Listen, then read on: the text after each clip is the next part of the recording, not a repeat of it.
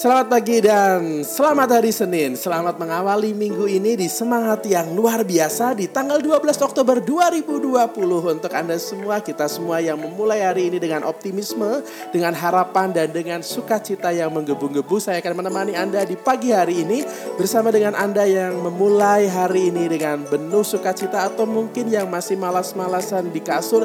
Mari kita segera bangun, mari kita segera memulai hari ini dengan optimisme supaya kita juga bisa mendapatkan banyak berkat dari segala usaha dan doa yang kita lakukan sepanjang hari ini.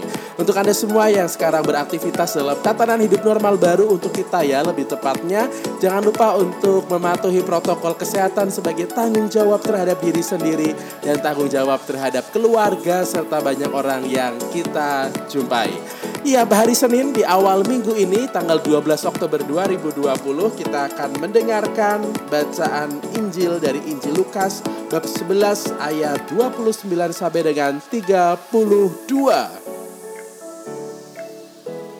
Untuk Anda semua yang pengen baca bacaan Injil ini secara langsung, silakan Anda bisa pause suara saya, lalu buka kitab suci atau handphone Anda. Lalu sesudahnya kita kembali lagi untuk mendengarkan inspirasi dari bacaan Injil hari ini yang bisa kita pakai sepanjang hari dan syukur-syukur juga bisa kita pakai dalam perjalanan hidup kita selanjutnya. Ya, pada bacaan Injil hari ini, Yesus kembali berjumpa dengan banyak orang yang mengerumuni dia. Kemudian dia berkata, angkatan ini adalah angkatan yang jahat. Mereka menuntut suatu tanda, tetapi mereka tidak akan memberi, tapi mereka tidak akan diberi tanda selain tanda Nabi Yunus. Ya ini adalah kata-kata Tuhan Yesus kepada banyak orang yang waktu itu meminta tanda dari Yesus.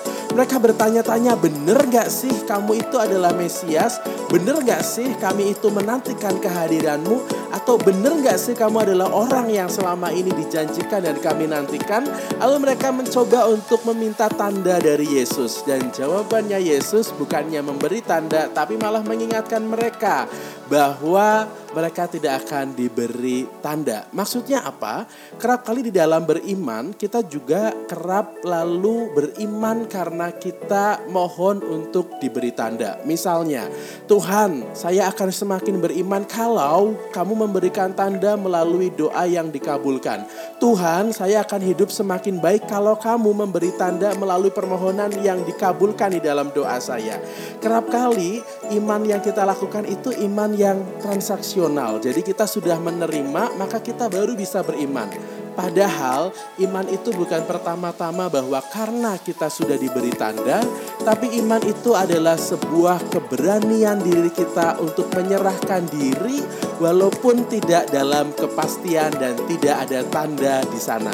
Maka iman sebagai tanggapan dari wahyu Allah, sebagai tanggapan dari sapaan Allah kepada kita adalah bagaimana kita mau memasrahkan diri secara total kepada penyelenggaraan Allah dan biarkanlah Allah berkarya pada kita masing-masing dengan caranya dan dengan cara Allah yang kerap kali secara manusiawi tidak bisa kita terima tidak bisa kita tangkap, tetapi Allah sungguh berkarya bagi kita semua.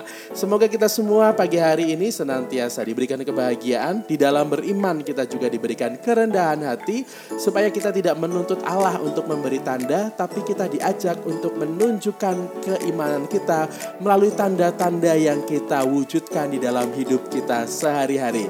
Semoga kita semua sebagai orang Katolik, sebagai orang yang beriman kepada Tuhan, juga menjadi tanda kehadiran kehadiran Allah bagi banyak orang yang kita jumpai hari ini.